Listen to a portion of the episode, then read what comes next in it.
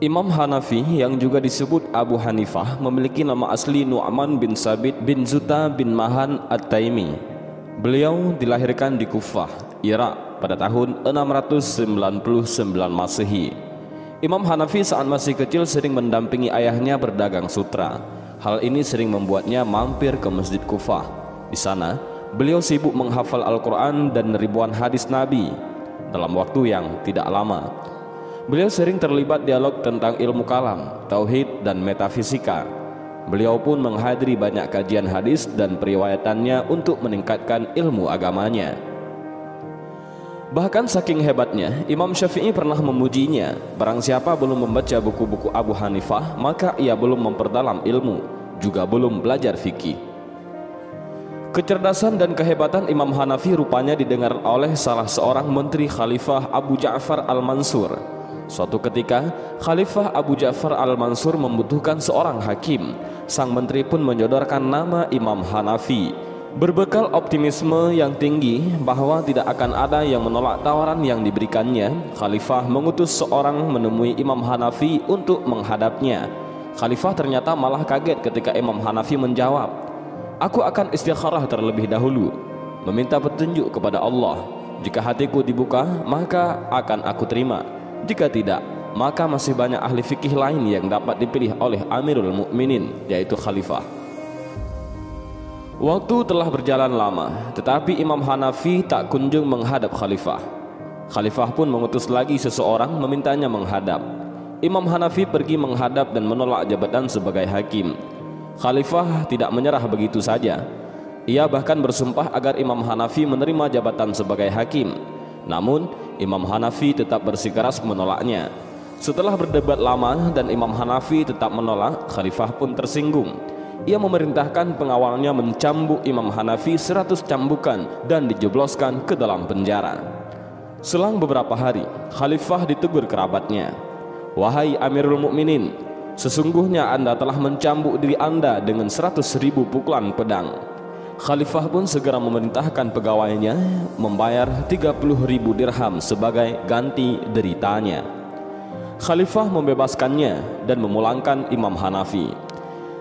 Di luar perkiraan Khalifah lagi, ternyata Imam Hanafi menolak ganti derita yang ia bayar. Khalifah makin marah. Khalifah memerintahkan menjobloskannya lagi ke penjara. Hanya saja, para menteri mengusulkan supaya Imam Hanafi segera dibebaskan ia cukup dijadikan tahanan rumah saja, dilarang duduk bersama masyarakat ataupun keluar dari rumahnya. Selang beberapa hari setelah menjalani tahanan rumah, Imam Hanafi terkena penyakit, makin lama bertambah parah. Akhirnya beliau wafat pada usia 70 tahun. Berita wafatnya segera menyebar. Salah seorang ulama Kufah berkata, "Cahaya keilmuan telah dimatikan dari kota Kufah. Sungguh mereka tidak pernah melihat ulama sekaliber dia selamanya." Menurut beberapa tulisan bahwa beliau disalatkan berpuluh-puluh ribu orang. Sebelum wafat, sang imam berwasiat agar jasadnya dikuburkan di kuburan Al-Khairazan. Pada masa Turki Utsmani, sebuah masjid di Baghdad didedikasikan untuk sang imam. Masjid tersebut dinamai Masjid Imam Abu Hanifah. Sepeninggal beliau, mazhab fikihnya tidak redup dan terus dipakai oleh umat Islam bahkan menjadi mazhab resmi beberapa kerajaan Islam seperti Daulah Abbasiyah, Mughal, dan Turki Utsmani. Saat ini, mazhab Hanafi banyak dipakai di daerah Turki, Suriah, Irak, Balkan, Mesir, dan India.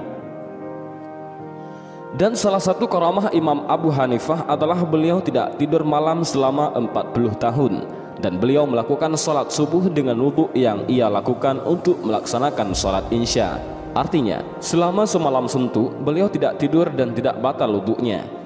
Sebagaimana disebutkan dalam kitab Tazkiratul Aulia, Abu Hanifah memiliki kebiasaan salat 300 rakaat setiap malam. Hingga suatu saat, ada seorang melintas ketika ia sedang melaksanakan salat.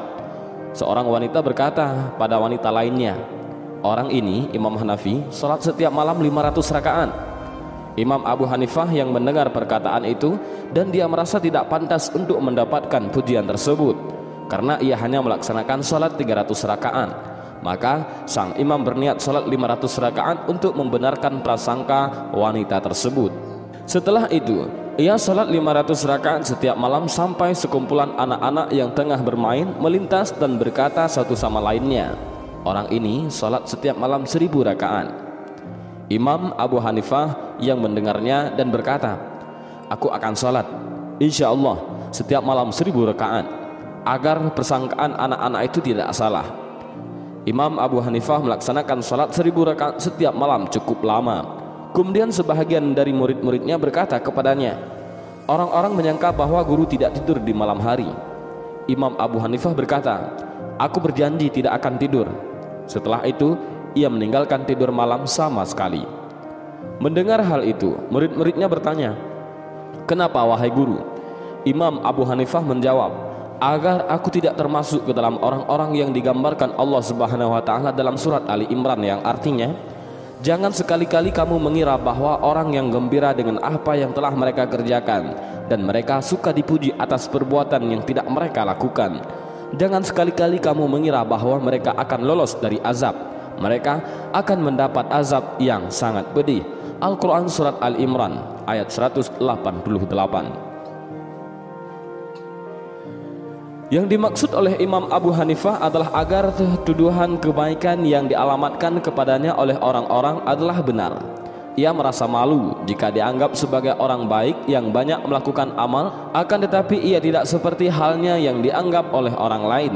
Karenanya, ia senantiasa memperbaiki amal, bukan karena ingin dipuji, melainkan agar amal yang ia lakukan sama atau bahkan melebihi persangkaan orang kepadanya.